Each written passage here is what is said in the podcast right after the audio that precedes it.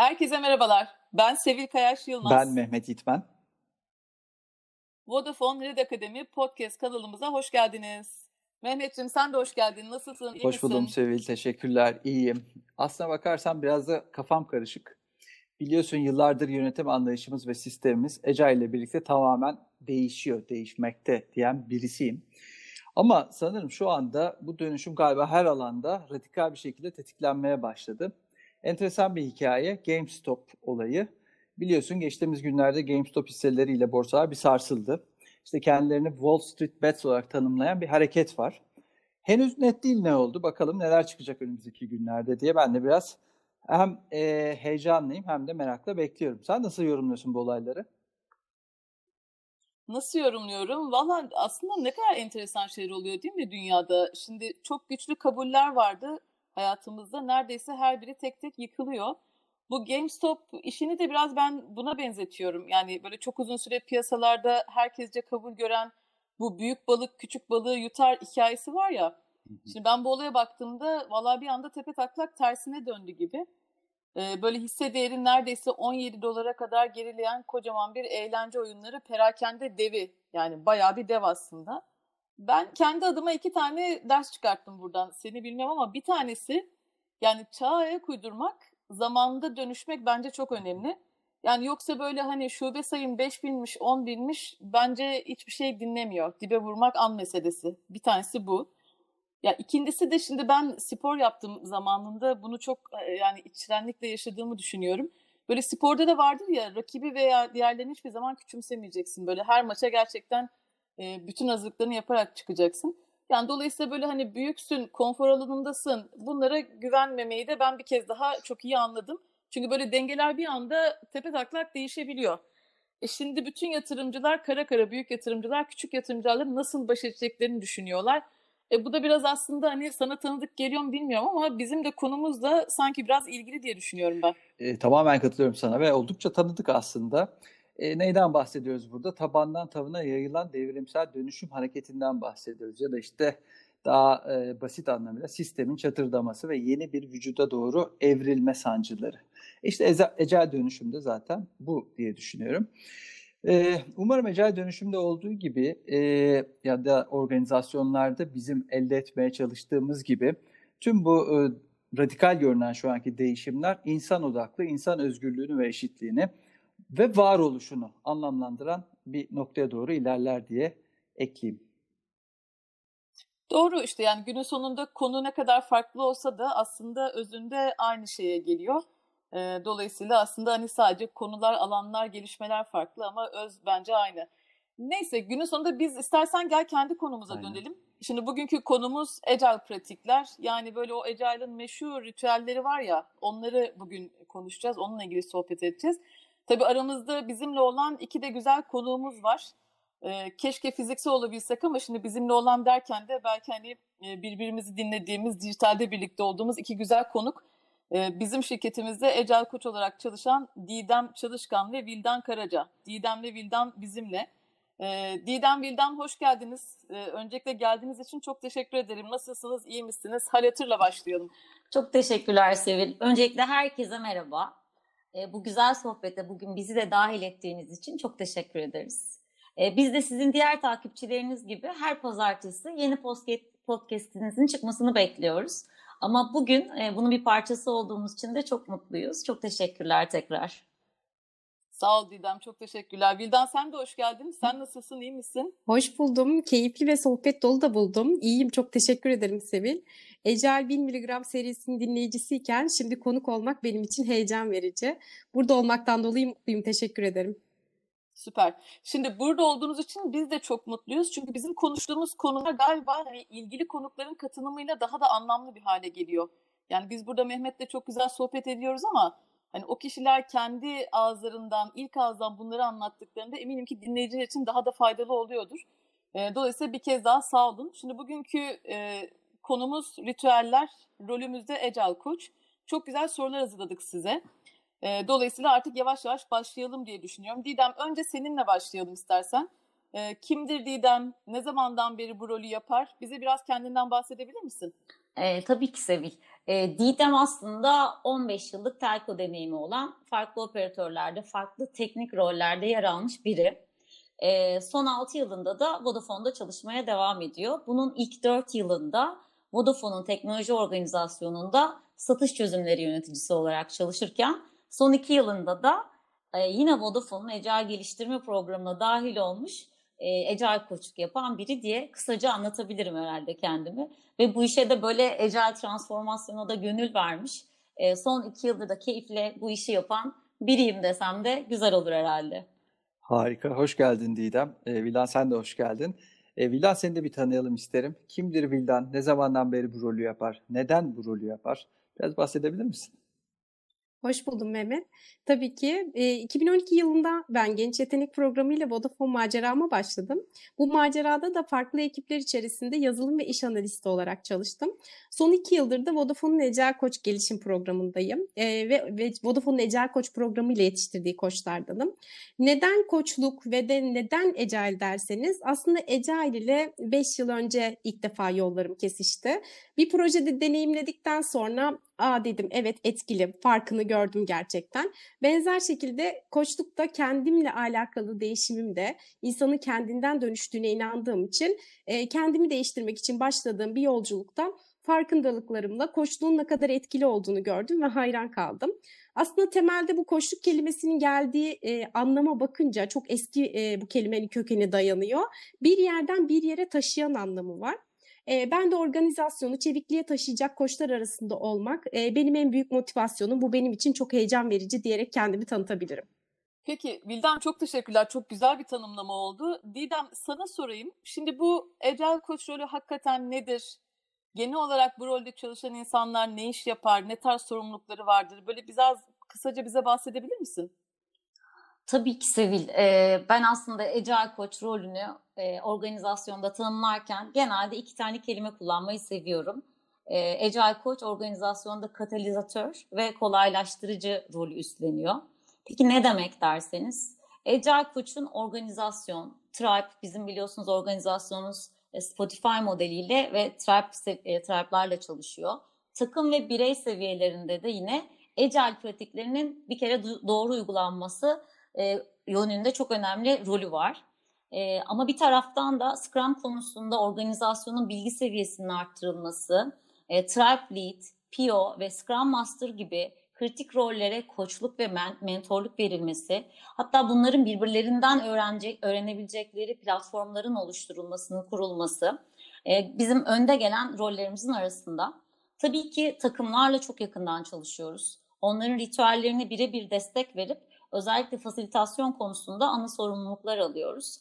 Ama tabii bu bununla da bitmiyor. Bir taraftan da organizasyon seviyesinde de karar alma süreçlerini, organizasyonun kendi içinde hizalanmasını sağlayacak platformların oluşturulması ve bunların doğru şekilde ilerlemesini sağlamak da yine Agile Koç'un ana sorumluluklarının başında geliyor diyebiliriz.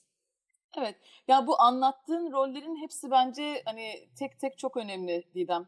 Hani bunu nereden biliyorum? Şimdi biz sizinle aynı ekipte çalışıyoruz zaten. Dolayısıyla çok yakından gözlemleme şansım da oldu benim. Hani Ecel koçlar bütün bu Ecel dönüşümde nasıl bir katma değer yaratabilirler, nerede kolaylaştırıcı olabilirler. O yüzden hani söylediğin her şeyin ben dönüşüme destek olması açısından çok önemli olduğunu düşünüyorum. Peki bir de sana şöyle bir soru sorayım. Şimdi ritüelleri konuşacağız dedik e, bugün. Ya buradaki hakikaten ritüeller olmazsa olmazı gibi Agile'ın. E, gerçekten olmazsa olmaz mı? Hani bu ritüelleri tek başına uygulamak, Agile olmak için yeterli midir? Yani tam olarak neden bahsediyoruz? Biraz böyle bize anlatabilir misin? Tabii Sevil, e, şimdi valla bize herhalde Vildan'la en sık gelen soruların başında da işte bu ritüellerin hepsini gerçekten uygulasak olmaz mı sorusu gelir. Hani özellikle de yeni takımlarda en fazla duyduğumuz sorulardan e, bir tanesi bu. E, Scrum'a biz kendi içinde aslında öğrenme döngülerinden oluşur diye tanımlayabiliriz. Her sprint sonunda takım üyeleri iş yapış şekillerini, takım olma, müşterileriyle olan ilişkileri açısından çıktılarını değerlendirip buralarda gelişim alanları belirleyip her seferinde o gelişim döngüsünde yeni aksiyonlarla daha iyi ulaşmaya çalışırlar. O yüzden de e, bu ritüeller bunlara platform oluşturduklarından dolayı çok kritik bizim için. Aynı zamanda bu ritüeller Scrum'un olmazsa olmaz şeffaflık sağlama, takımın kendi içinde hizalanması, iletişimin arttırılması şey gibi konularda da çok önemli e, bir e, role sahip.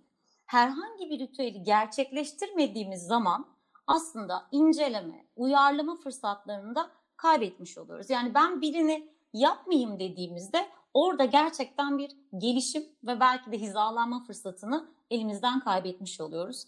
E, Scrum'da da biliyorsun ritüeller düzenli olarak yapılıyor. İşte iki haftalık bir sprintin içinde belli zaman aralıklarında bu ritüelleri yapıyorsun.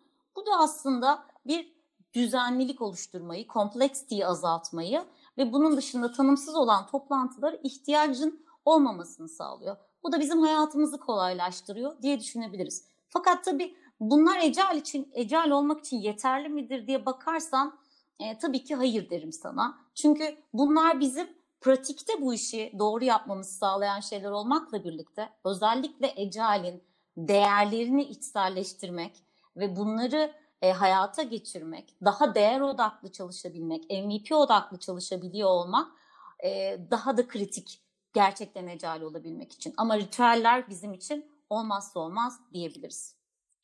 Didem sen de bahsettin. E, ritüeller her ne kadar mekanik olsa da bazı davranışların ve düşünce modellerinin kazanımı için de önemliler aslında. E, bu noktada ritüeller takımların hayatında da epey ye- yer ediyor diyebiliriz sanırım. Sizler de ecel koçlar olarak bu ritüellerin birer parçasısınız. Scrum Master'lar aracılığıyla ritüellerin doğru bir değer üretmesine e, yardımcı olmaya çalışıyorsunuz. E, bu noktada biraz daha detaya girelim isterim. Belki tek tek squatların ve tribe'ın gündemindeki ritüellerin ne olduğunu, bu ritüellerde dikkat edilmesi gereken ana unsurları sizlerin deneyimlerine göre biraz açabiliriz. Milan seninle başlayalım mı?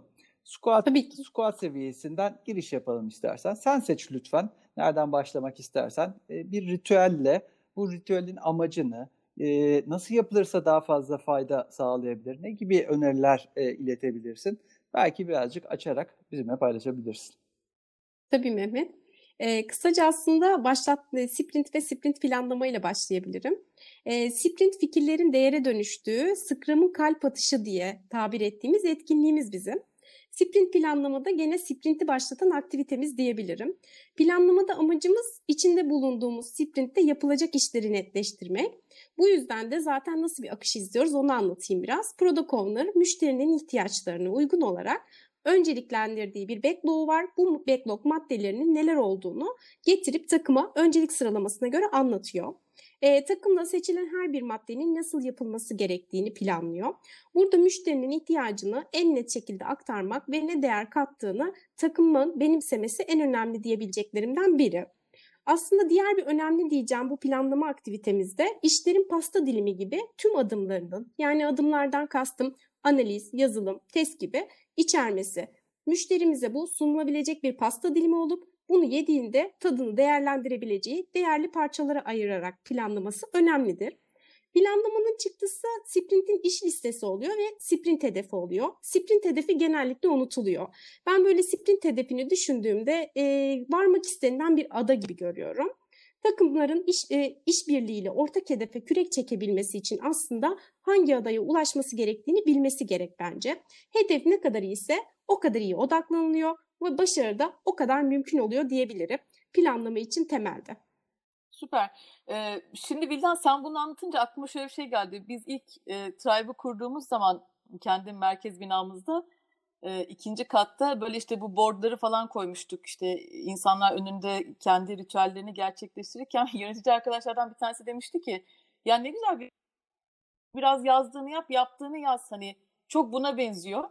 Şimdi dolayısıyla hani böyle baktığın zaman hakikaten çok önemli. Yani gerçekten o iş listesini oluşturmak, onlara odaklanmak, onun dışında belki çok fazla durumu dağıtmamak ve hakikaten onları yapmaya çalışmak. Dolayısıyla aslında özünde söylediğini yapmak gibi de tanımlanabilir belki. Bilmiyorum benim kendi tecrübem de gözlemlerimde biraz böyle. Ee, Didem sana geleyim. Hani belki yine ritüellerle devam edelim. Mesela Daily Scrum desem hani ne anlatmak istersin, ne paylaşmak istersin? Şimdi bir an ofis günlerimiz aklıma geldi gerçekten Sevil sen böyle söyleyince o boardların önünde takımların buluştuğu ve Daily Scrum yaptı. Hmm, Özledik galiba o günleri de e, dijitale döndüğümüzden beri. E, her neyse duygulandım bir anda. E, yüzüme de bir gülümseme düştü aslında. Çünkü Daily Scrum da gerçekten takımların adapte olmakta e, en çok zorlandığı ritüellerden bir tanesi. Çünkü çok düzenlilik gerekiyor. İşte her sabah belli bir saatte 15 dakika takım bir araya geliyor ve ilk söyledikleri şey ya bunu yapmazsak olmaz mı? E, ama sonradan da inan bana bunu yaptıktan ve alıştıktan sonra en vazgeçmeyecekleri ritüel de daily oluyor. Neden? Çünkü daily'nin amacı takımın o sprint için belirlediği sprint golüne yönelik ilerlemeyi incelemek, sprinte dahil edilmiş herhangi bir iş listesindeki işlerin durumunu konuşarak gerekli uyarlamaları, planlamaları yaparak günü aslında planlamak. Yani eğer orada sapan bir şey varsa yine onu adapte etmek, yoluna sokmak daily'ler için çok kritik ve anlamlı e, diyebiliriz aslında. Sprint golü yolunda gitmiyorsa, bir şeyleri düzeltmek gerekiyorsa en doğru platform bunu burada konuşmak ve aksiyon almak. Hatta burada biliyorsun e, çok böyle konuştuğumuz bizi engelleyen, e, bizim işte impediment diye bahsettiğimiz e, sorunlar da yine daily'de konuşuluyor ve bunlar e, önceliklendirilerek hızlıca ortadan kaldırılmak için de planlama yine daily'de yapılıyor. O yüzden daily hani olmazsa olmaz diyeceğimiz takımın kendi içindeki iletişimi arttıran ve kendi içlerinde de hizalanmayı sağlayan e, önemli bir ortam oluşturuyor. Daily Scrum'lar daha önce dediğim gibi 15 dakikayla sınırlı. Sadece 15 dakika aslında her şeyi planlamanıza gün içinde yetiyor ve e, diğer toplantıları ortadan kaldırıp kompleksiteyi azaltan çok güzel bir ritüel diye söyleyebilirim. Evet, sprint ile başladık. E, adım adım da ilerliyoruz sprintin içerisinde. Sıradan devam edelim e, isterseniz. Vildan Sprint Review var sırada. Sprint Review hakkında neler paylaşırsın bizimle? Tabii. E, Sprint Review'un temel amacı aslında sprintin çıktısını gözden geçirmek ve gelecek aksiyonları da belirlemek. E, nasıl oluyor peki bu Sprint Review ritüeli dediğimiz? Scrum takımı paydaşlarıyla bir araya geliyor ve sprintte öğrettikleri değeri aktararak paydaşlarından da geri bildirim alıyorlar. E, aslında bu ritüelin ürünün geleceğine yön vermiş olduğunu da söyleyebiliriz. Çünkü paydaşlarla işbirliği halinde gelecekteki backlog maddelerinin neler olabileceği hakkında fikir alışverişi ortamı yaratıyoruz o toplanmada. E, bir diğer deyişle de bence önemli olması gereken şeyin burada işbirliği demiştim. Bunu raporlamaya ya da sunuma dökülmemek. Yani tek taraflı bir alışveriş haline gelmemesi. Bizim ne yaptığımızı aktarırken aynı zamanda gelecekte ne yapacağımızı söylerken paydaşlarımızın da bize olabildiğince geri bildirim veriyor olması. Peki bu geri bildirimleri alıyoruz ne oluyor? Geri bildirimleri de review sonrası backlog'da güncelliyor olmak gerekiyor. Çünkü biz diyoruz ki e, deneysel temelinde yatan şeyler gözlem ve adaptasyondur. Biz gözlemledik, sonra geri bildirim aldık. Madem aldığımız geri bildirimlerle backlog'da bu geri bildirimleri adapte edelim diyorum. Dikkat etmemiz gereken bir şey de bu diye ekleyebilirim. Süper. Şimdi Didem e, gelelim benim en çok sevdiğim ritüele. Yani bence bu ritüel bana sorarsan hani sadece Agile'ın, sadece şirketin, business'ın değil aslında hayatın da bir parçası olması gereken bir ritüel diye düşünüyorum ben. Hani keşke daha fazla yapabilip hakikaten hayatımıza daha fazla şey katabilsek. E, zannediyorum anlamışsındır hangi ritüelden e, bahsettiğimi. Retrospektif. Retrospektif. Evet, evet. retrospektif. Peki ne dersin retrospektif hakkında? Ee, şöyle söyleyebilirim. Ben eğitimlerde ya da bir takımı retrospektifi anlatırken e, direkt şöyle anlatıyorum. Burası Kaizen e, sürekli gelişim noktasıdır Scrum'ın. E, evet farklı ritüellerde de hep bir geliştirme e, alanı ve adaptasyon alanı var ama retrospektif bunun aslında tam temelinde yatıyor diyebiliriz. E, öncelikle bu ritüel sadece Scrum takımının yer aldığı, sadece birlikte yaptıkları yani başka bir katılımcının olmadığı e, ve kendi kendilerine bir önceki sprintin nasıl geçtiğini değerlendirip bir sonraki sprintte neyi daha iyi yapabileceklerini karar verdikleri bir ritüel ve amacı da kaliteyi ve takımın etkinliğini arttıracak yollar bulmak. Yani takımı bir yelkenliğe benzetirsek Sevil, e, o yelkenleri rüzgarla daha fazla nasıl doldururlar? Önlerine çıkan herhangi bir e, adacık, buzdağı ya da onların takıldığı bir şeyi ortadan nasıl kaldırırlar ve bunu da rotadan çıkmadan nasıl yaparlar? İşte tam anlamıyla bu ritüelde belirliyorlar. E, bunlardan en etkili ve en hızlı hayata geçirebileceklerini de biliyorsun bu aksiyonları belirledikten sonra bir sonraki sprint planlamasında da planlamalarını bekliyoruz ki hani sadece bunlar aksiyonda ve konuşmada kalmasın e, ve bunları mutlaka uyarlasınlar, deneyimlesinler. Yine deneyimlediklerinden öğrensinler diye. Birçok farklı retrospektif yöntemi var. Start, Stop, Continue, Met, Set, Glad, yine biraz önce anlattığım e, BOT yöntemi gibi. E, Fun Retrospektif gibi farklı böyle sitelerden arkadaşlarımız bunlara ulaşıp farklı farklı ihtiyaçlara yönelik e, yöntemler kullanarak e, bu retrospektifi çok daha eğlenceli ama çok da etkin bir hale getirebilirler. E, sen güzel kaynaklara e, yönlendirmede de bulundun Didem. Belki hatta bunları biraz daha açarak e, retrospektif teknikleri ve buradaki e, iyi e, teknikler ve işte nelere dikkat etmek gerekir diye apayrı bir e, bölüm de yaparız diye bizim de aklımızda. E, devam Aynen. e, devam edelim isterseniz. E, neler var önümüzde başka? E, gerçi opsiyonel ama benim aklıma backlog refinement geliyor. Belki Vildan e, kısaca ondan da biraz bahsedebiliriz. Tabii olur. Bu arada benim de favorim retrospektif. Ee, olursa davet ederseniz gelirim diyorum ve sonra refinement'tan bahsedebilirim. Ee, aslında Scrum'da bir sprint tamamlandığında hemen e, diğeri başlıyor oluyor. O yüzden birbiri aldığına gelen sprintlerde başlamadan önce hazırlık yapmamızı refinement ritüelleriyle gerçekleştirebiliyoruz. Bu refinement ritüellerinde product owner gene gelecek sprintte e, müşteriler için hangi ürün özellikleri öncelikli olduğunu ve bunların geliştirilmesi gerektiğini takıma iletiyor oluyor. E, takım da backlog maddelerini anlayıp, e, büyüklüklerini belirleyip, varsa sorularını netleştirip e, bu ritüeli gideriyor. Takımla beraber aslında ortak anlayış elde etmek için bence önemli e, ve de e, planlamaya hazırlık yapmak için önemli diye düşünüyorum. Refinement planlamaya gelmeden önce backlog maddelerini netleştirdi ve olgunlaştırdı. Burada akılda kalıcı olmasını istediğim şey aslında benim için biraz e, benzetme olarak yemek yapmadan önce mutfağı düzenlemek ve malzemeleri belirlemeye benzetiyorum ben bunu. E, bu e, bu ritüeldeki iyi bir pratik olarak da MVP'ye odaklanmak diyebilirim. Çünkü takımlar planlamadan önce kolektif olarak daha değerli olan müşteriden hızlı geri bildirim alacak küçük parçaları hep beraber e, refinement'larda yapıyorlar. E, sadece dikkat edelim diyebileceğim şey de e, gelecek sprintler için hazırlık yaparken mevcut sprint odağından kaybolmuyor olmak diyebilirim. Süper. Şimdi e, galiba bu zamana kadar konuştuğumuz ritüellerin hepsi squat seviyesinde yaptığımız ritüeller. Yani bir squat'ın aslında belki hani döngüsünü, e, yaşamını anlatan ritüeller. Biraz isterseniz gelin squat'ın dışına çıkalım. Dışına çıktığın zaman zaten hani önümüze koskoca bir tribe çıkıyor.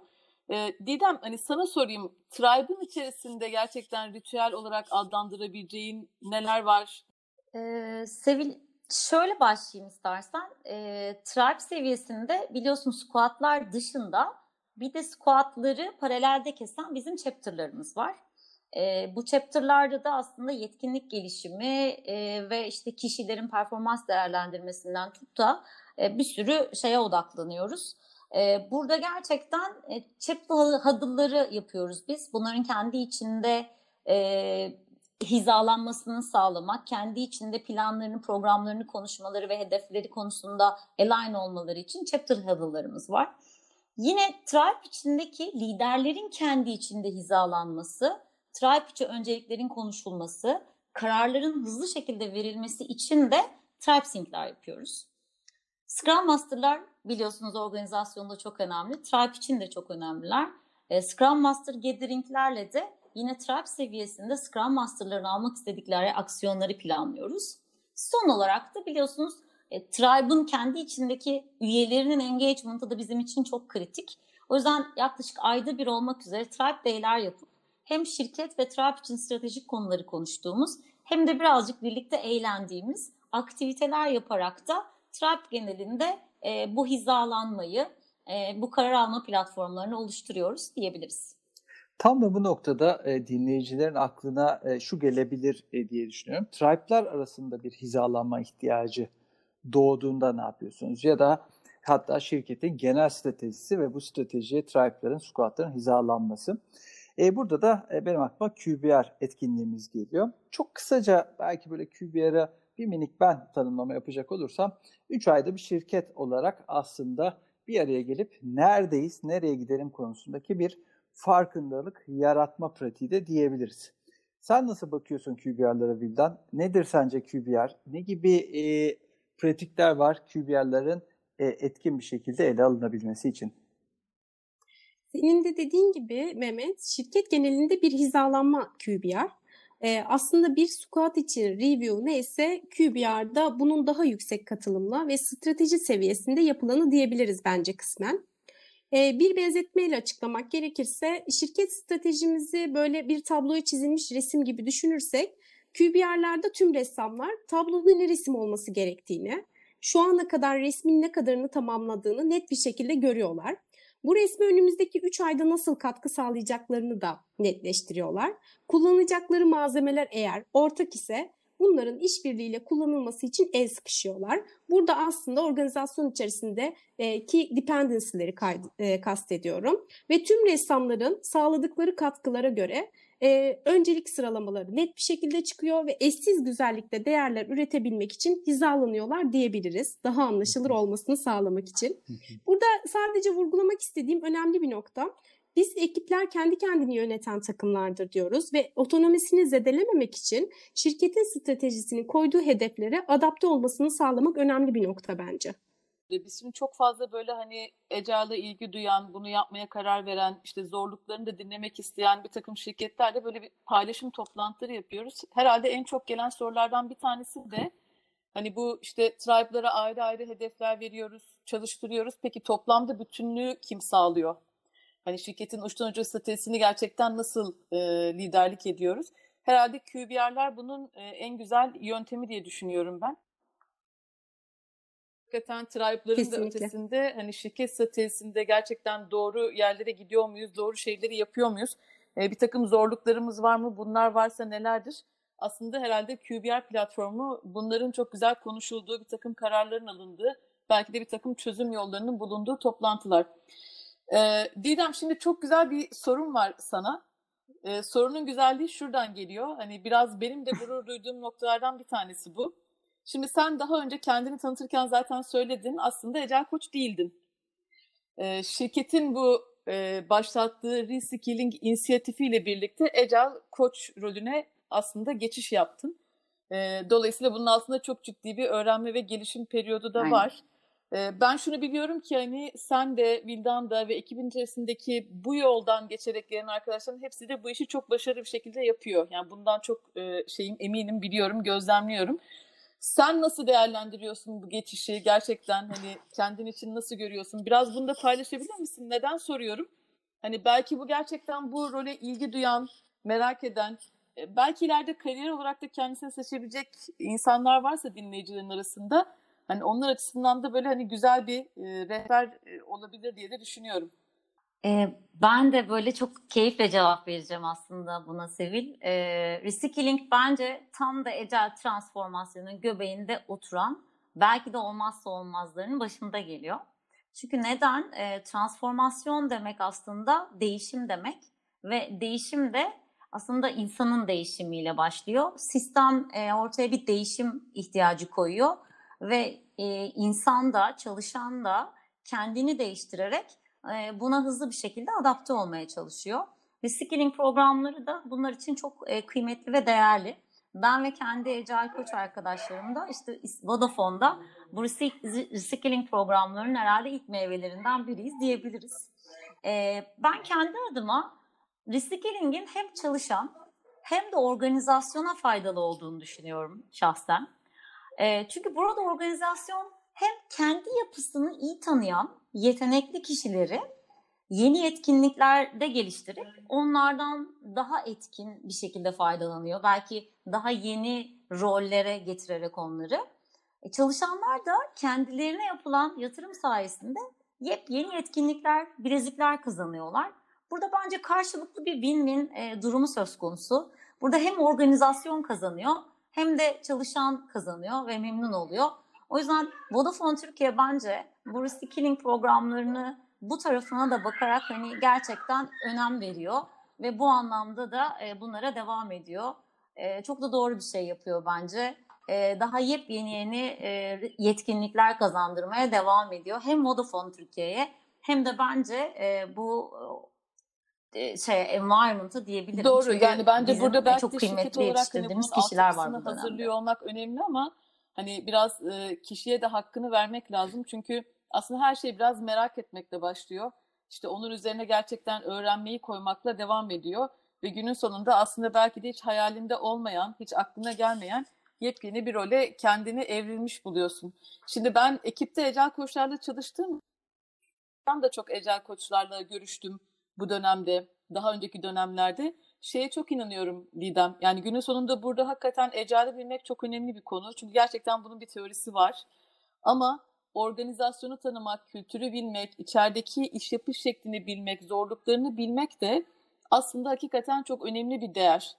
O yüzden burada hani bunları bilen insanların merakı canlı tutarak gerçekten hani yapılan yatırımdan faydalanarak bireysel eforu da ortaya koyarak böyle bir role evrilmesi bence organizasyonda çok faydalı diye düşünüyorum.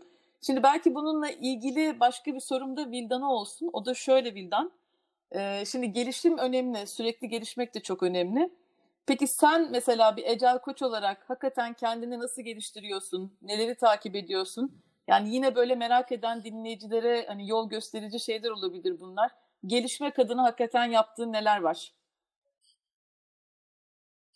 Ee, Sevil iki e, kere merak ke- kelimesini kullandın. Aslında bence e, ecel koçların temelde meraklı olması çok önemli. Gelişim konusu da tabii ki e, çeviklikle gere- gerekiyor yani gelişebilmek için bu gelişim konusunda. Neden derseniz e, konu ecel olunca yeni pratikler, farklı bakış açıları, yeni yöntemler her gün değişiyor. Bu değişen şartlara da biz de ecel koçları olarak kendimizi güncel tutarak adapte olmamız gerekiyor. Ve bunların en önemlisi eğitimler aslında. Biz ecel koçları olarak bol bol eğitimler alıyoruz.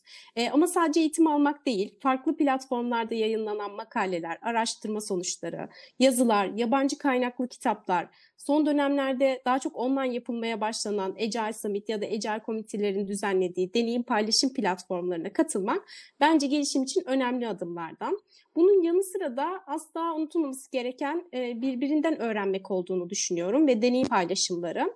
Biz Ecel Koçlar takımı olarak kendi içimizde düzenli olarak bunları yapıyoruz. İyi pratiklerimizi e, hem kendi içimizde paylaşıyoruz hem bunları kitler halinde çevirip organizasyona yayıyoruz. Sadece organizasyonun içerisinde değil, bence organizasyon dışındaki koçlarla da paylaşım yaparak kendimizi her zaman geliştiriyoruz diyebilirim. Ee, okumak, dinlemek ve bunların paylaşımının yanında da deneyimlemek çok önemli. Aslında birçok şey öğreniyorsunuz ama deneyimlediğinizde gerçekten bunun etkisini e, kendi gelişiminiz üzerinde görüyor oluyorsunuz diyebilirim. E, temelde e, bunlarla biz ecel koçlar olarak kendimizi geliştiriyoruz. Harika. Siz gelişimden bahsetmişken belki de biz de bu podcast serimizde neyi geliştirmeliyiz diye düşündüm ben de paralelden. Bizim de bir gelişim noktamız zamana uyum gibi görünüyor. Y- yine biraz açtık sanki ama çok keyifliydi. Hızla da sonuna geldik. Şimdi belki takip ettiğiniz için zaten biliyorsunuz her podcast'te bizim tekrarladığımız bir ritüelimiz var. O da bir doz mesaj vermek. E, bu podcast'imizin de kodu siz olduğunuz için e, bu mesaj verme onurunu size vermek istiyoruz. E, bu noktada Ecel Koçlara paylaşmak istediğiniz bir doz mesaj ne olur? Sadece bir doz. Sen dünyasın. O yüzden sen değişirsen dünya değişir. Osho'nun bir sözü. Benim, Benim mesajım mesajım bu da olsun. Didem'inkine paralel olsun. E, değişmek için istemek yetmez, harekete geçmek ve çaba sarf etmek gerekir diyorum. Süper. Arkadaşlar gerçekten geldiğiniz için çok teşekkür ederiz. Ee, inanılmaz keyifli bir sohbet oldu bizim açımızdan da. Yani ne demişler? Günün sonunda işi en iyi yapan bilir. Dolayısıyla en iyi de o anlatır. Onu da ben ekleyeyim. Dolayısıyla hakikaten hani bir ecel koçun bu dönüşüme katkısı, e, kendi bireysel dönüşümü, gelişimi anlamında çok güzel şeyler söylediğiniz, çok güzel tiyolar verdiğinizi düşünüyorum ben. Ee, sağ olun, var olun. İyi ki bizimlesiniz. Çok teşekkür ederiz. Ee, ve sevgili dinleyenler bir sonraki bölüme kadar sağlıkla kalın, hoşça kalın. Hoşçakalın.